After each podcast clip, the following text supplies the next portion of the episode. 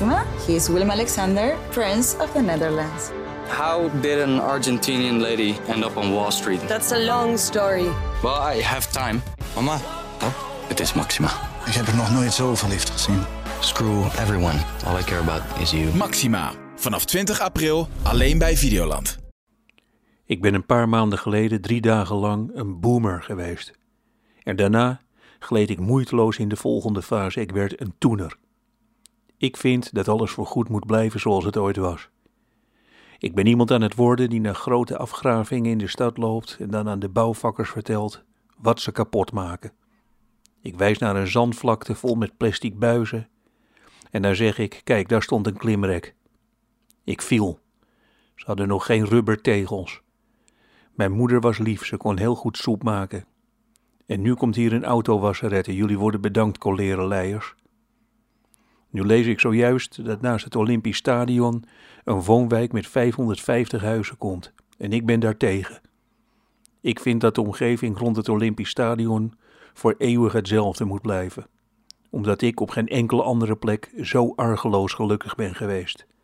Ik herinner mij het plein en het stadion als plekken waar ik samen met mijn vader naartoe liep. Wij woonden in Amstelveen.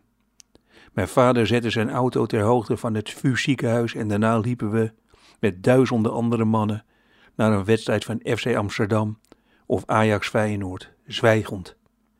We kwamen aan bij het stadionplein, waar de mooiste Febo op aarde zat. De reiger voor de deur herkende mij. Dertig jaar later zag ik daar Johan Cruijff kroketten kopen. Hij bestelde er vijf en hij gaf, achteloos bijna, een halve kroket aan de voor 96% uit frituurvet bestaande vogel. Maar dat vertel ik een andere keer wel. De oversteek en dan het stadion, licht, gevangen door hoge muren. Ik herinner me alles. De pissende mannen op de eerste ring, het klaterende fontein om onze voeten, de supposten, de kussentjes waar duizenden andere mensen op hadden zitten bilzweten, de trap naar de tribune en dan het gras, de lampen, het geluid. Ander mooi licht. De kermis op het stadionplein. Mijn vader was daar belachelijk mooi. Precies de goede nonchalante houding als hij door een helse machine door elkaar werd geslingerd. De manier waarop hij guldens uit zijn zak haalde. Die simpele, zwoegende automonteur en hoe die opeens veranderde in iemand die alles begreep. Mijn vader, hij begreep het stadionplein en het Olympisch stadion. Het was er lelijk, waardoor je zelf mooier werd. En ik heb daar een foto van. Mijn vader met een kermisgeweer in zijn hand en ik er vlak naast. Als toener wil ik dus dat midden in die nieuwe woonwijk een schietent komt.